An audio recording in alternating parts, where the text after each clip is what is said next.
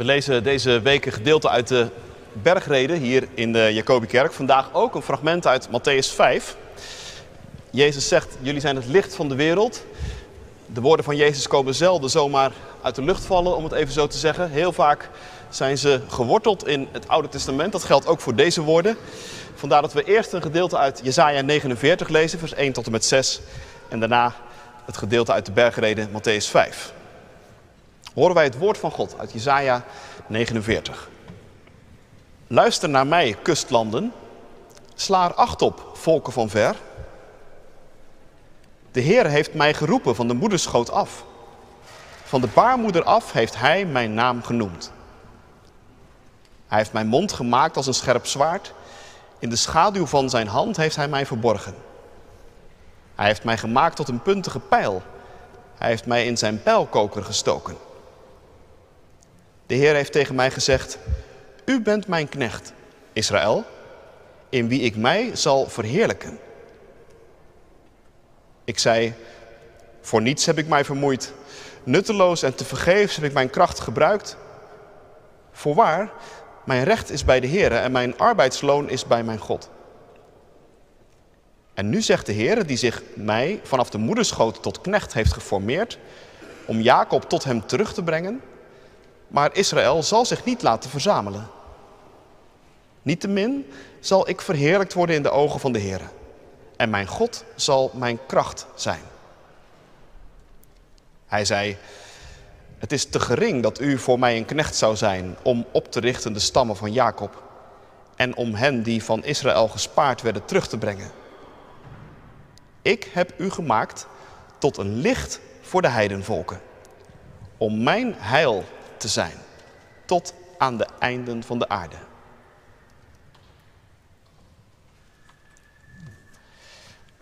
Tot zover de eerste lezing. En dat woord over het licht voor de volken, dat neemt Jezus op in de bergreden Matthäus 5, vers 13 tot en met 17. U bent het zout van de aarde. Maar als het zout zijn smaak verloren heeft, waarmee zal het gezouten worden? Het deugt nergens meer voor dan om weggeworpen en door de mensen te worden vertrapt. U bent het licht van de wereld. Een stad die bovenop een berg ligt, kan niet verborgen zijn. Men steekt toch ook geen lamp aan en zet die onder de korenmaat, maar op de standaard. En hij schijnt voor allen die in het huis zijn. Laat zo uw licht schijnen voor de mensen, dat ze uw goede werken zien en uw Vader die in de hemelen is, verheerlijken.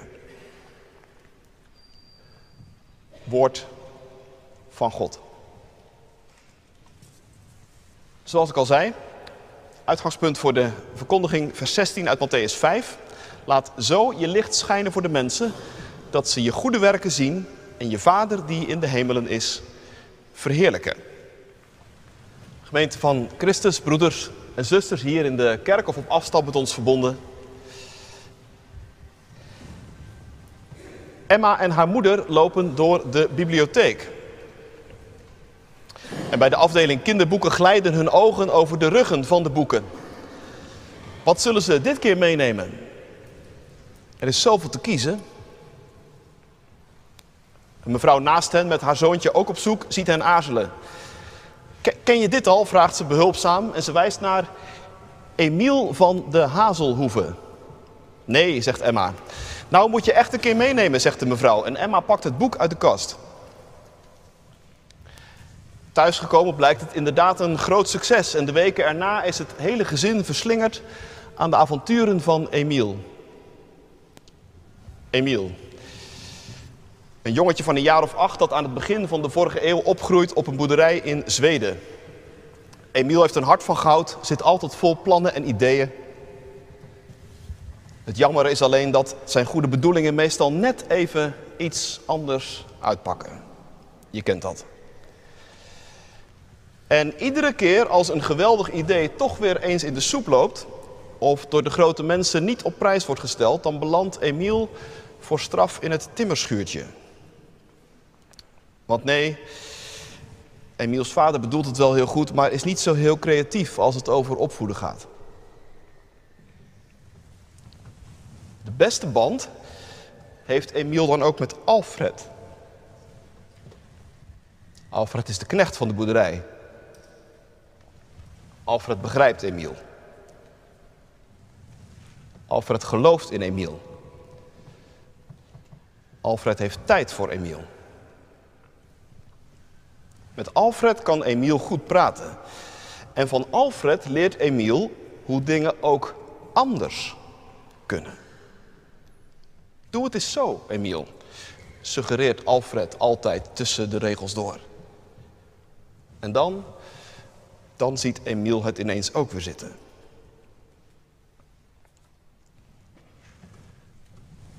Doe het eens zo. Dat is toch eigenlijk wat je ieder kind gunt. Een opvoeder die af en toe ook door zijn knieën gaat, naast je gaat zitten en je liefdevol en betrokken bij de hand neemt. Doe het eens zo. Dat is eigenlijk wat ik Jezus ook hoor zeggen in Matthäus 5. Doe het eens zo. Laat zo je licht schijnen voor de mensen, opdat ze jullie goede daden zien en jullie Vader die in de hemelen is, verheerlijken. Zo. Dat suggereert natuurlijk dat het ook anders kan. En dat blijkt ook wel uit dit hele stuk.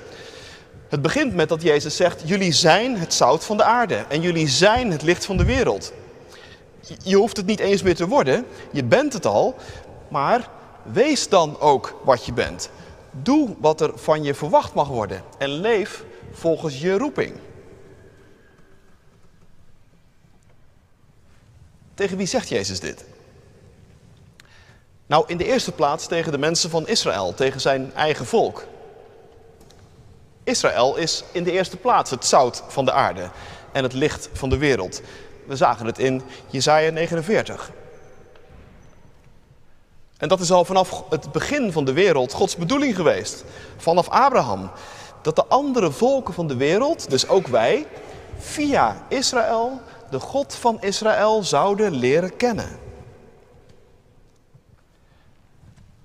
En dat Israël daarbij ook maar een heel klein en kwetsbaar volkje is, dat is voor de Heere God niet eens het grootste probleem. Als Israël alleen maar zout voor de aarde zou zijn, dan zou dat al genoeg zijn. En je weet, van zout hoef je helemaal niet veel te hebben.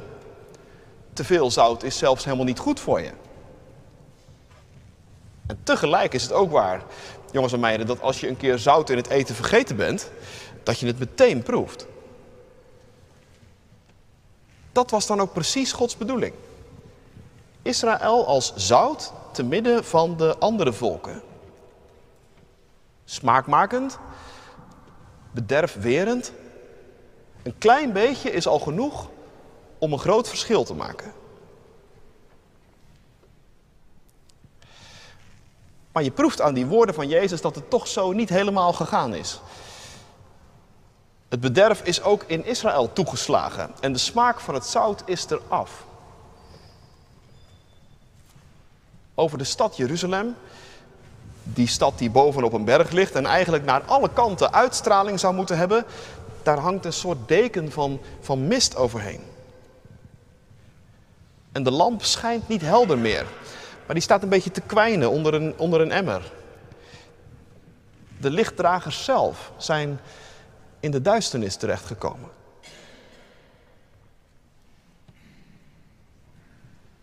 Zo taxeert Jezus in ieder geval de situatie van toen in zijn eigen volk. Maar dacht ik, hoe zou hij onze situatie vandaag taxeren? Ik bedoel, de woorden van de bergreden zijn ook de kerk binnengedragen en ze reizen al eeuwenlang met de gemeente van Christus mee. Ook jullie zijn het zout van de aarde, hoor ik Jezus zeggen. Ook jullie zijn het licht voor de wereld. Maar ben je het ook echt? Leef je volgens de roeping om een getuige van Christus te zijn? Is het te merken? is het te proeven.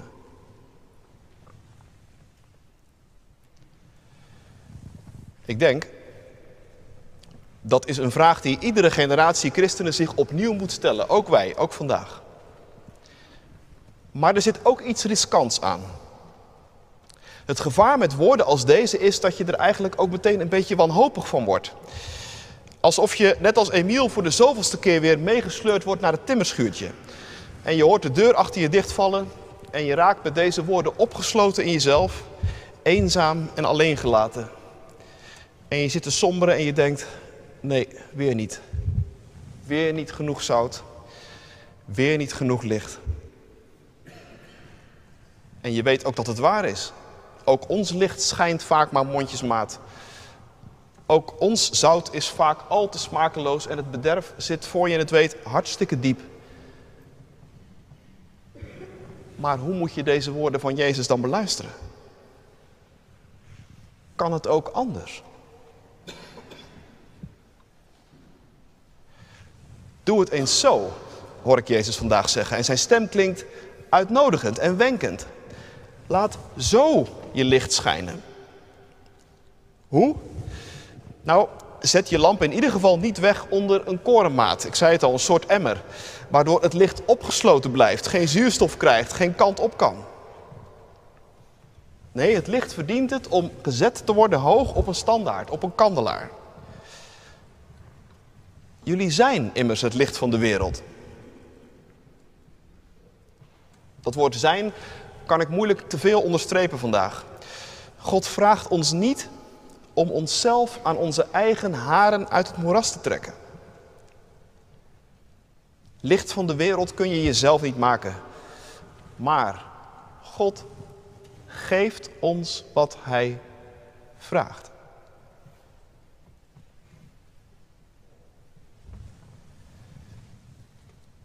En wat is dan onze taak nog?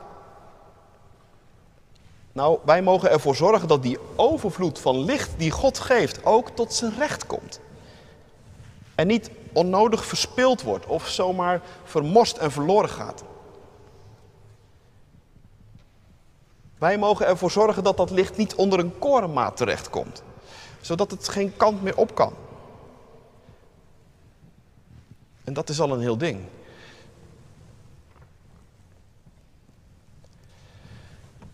Ik moet je zeggen dat dat beeld van die korenmaat me eigenlijk al best een tijdje bezighoudt. Een van de kenmerken van onze tijd, denk ik, is dat er als het ware, ik hoop dat je me volgen kan, een, een hele grote korenmaat of een kaasstolp, of hoe je het ook maar noemen wilt, als het ware over onze hele westerse cultuur is gezet. De Canadese filosoof Charles Taylor noemt dat het immanente frame, waarin in ieder geval ons werelddeel gevangen zit. En wat bedoelt hij daarmee? Nou, dat er een God zou zijn die zich bemoeit met deze wereld, een plan heeft en ook met jouw leven, dat, dat is voor heel veel mensen iets betekenisloos geworden. Wij beleven de wereld en ons eigen leven heel vaak binnen een soort gesloten systeem. Alsof er een kaasstolp overheen staat waarin het wonder en het geheim en het heilige en ook de openheid en de verrassing helemaal is weggeduwd. En dat is niet zonder gevolgen. Het is eigenlijk net als bij het kaarsje onder het glas. Een gesloten cultuur. Een wereld die uiteindelijk alleen maar rondjes draait in zichzelf. En een mensenleven dat uiteindelijk alleen maar rondjes draait om zichzelf, dat, dat stikt uiteindelijk. Een cultuur die niet open is tot God, daar trekt al het leven uit weg. En uiteindelijk gaat de vlam uit. Zuurstofgebrek.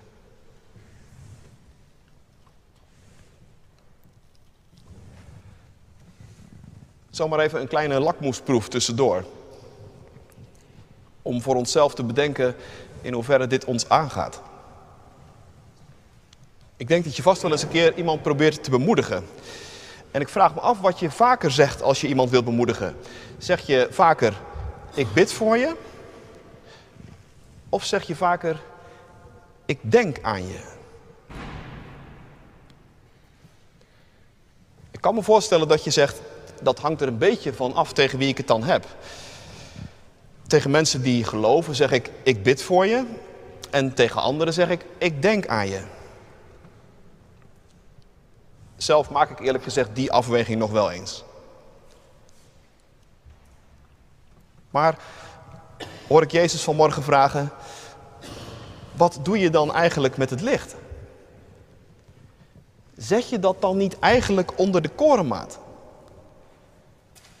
En laat je je niet gevangen nemen door het denken onder de kaasstolp in het immanente frame, zeg maar. Je voelt toch het verschil? Ik bid voor je. Dat is een zin die is open tot God. Ik denk aan je. Dat klinkt ook goed natuurlijk. En het is zeker ook oprecht bedoeld, daar niet van. Maar uiteindelijk is het een zin die gesloten is in jezelf. Maar waarom zou je dat doen? Je bent het licht van de wereld.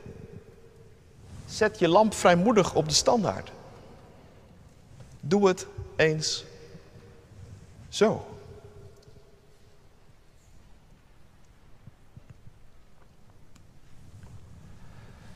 Het schijnen van het licht verbindt Jezus in deze tekst in één adem aan het doen van goede daden. Maar vraag je je dan misschien af, wat zijn die goede daden dan precies? Laat zo je licht maar schijnen, zodat de mensen enzovoort je goede daden zien. Wat bedoelt Jezus? Dat is nog wel even iets om bij stil te staan. Het wordt hier niet heel concreet gemaakt, maar ik denk toch wel dat je er iets over zeggen kunt. Het gaat in ieder geval om daden waardoor de mensen uw Vader die in de hemelen is, verheerlijken. Op die manier moet je licht schijnen. Dat is iets anders dan wat wij meestal onder shinen verstaan. Bij shinen, zoals wij dat woord meestal gebruiken, staan de spotlights toch echt op onszelf gericht. Maar de daden die echt licht geven, die echt licht van Jezus verspreiden, dat zijn daden die andere mensen aan God doen denken.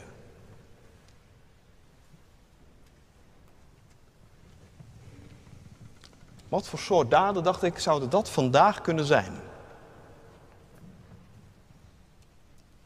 Daar is natuurlijk nooit één antwoord op te geven. Maar het is wel een spiegel.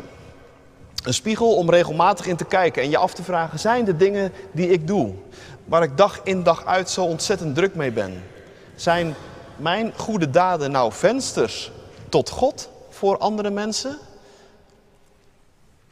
Of zijn mijn goede daden toch ergens ook wel heel erg bedoeld om mezelf in de spotlights te zetten?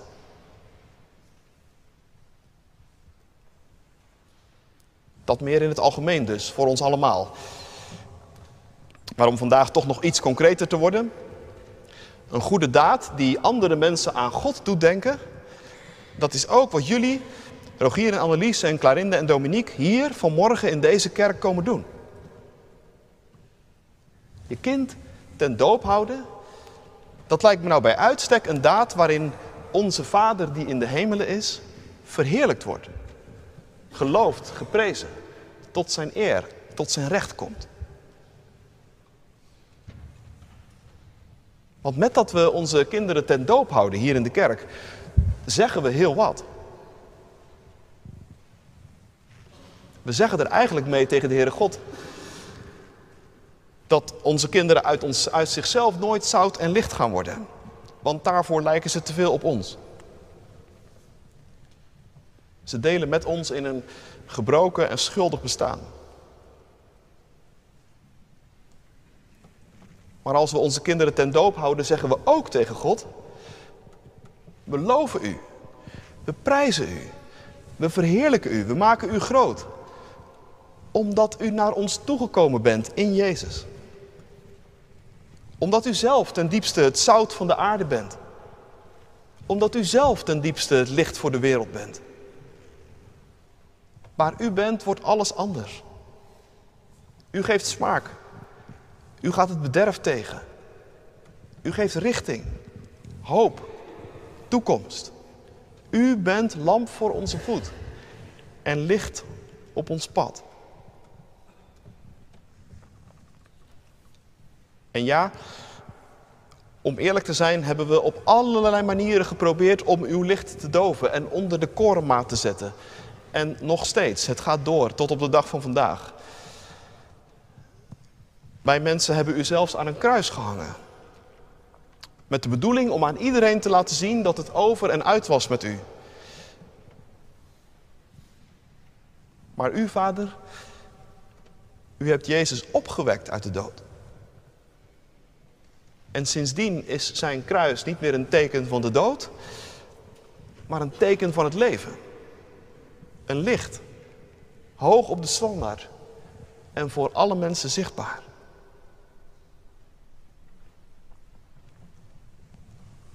En in die grote beweging neemt u ons en onze kinderen mee. En als we onze kinderen ten doop houden, dan zegt u tegen hen, Aaron, Micha, Ares, ook jullie, zout voor de aarde. Ook jullie, licht voor de wereld. Leef daaruit. Samen met je vader en moeder. Samen met iedereen die om jullie heen staat, vandaag en in de loop van je leven. En laat het nooit gebeuren dat je licht uitgaat door zuurstofgebrek. Maar laat je licht zo schijnen voor de mensen. Dat ze samen met jullie hun Vader die in de hemelen is verheerlijken. Halleluja. Amen.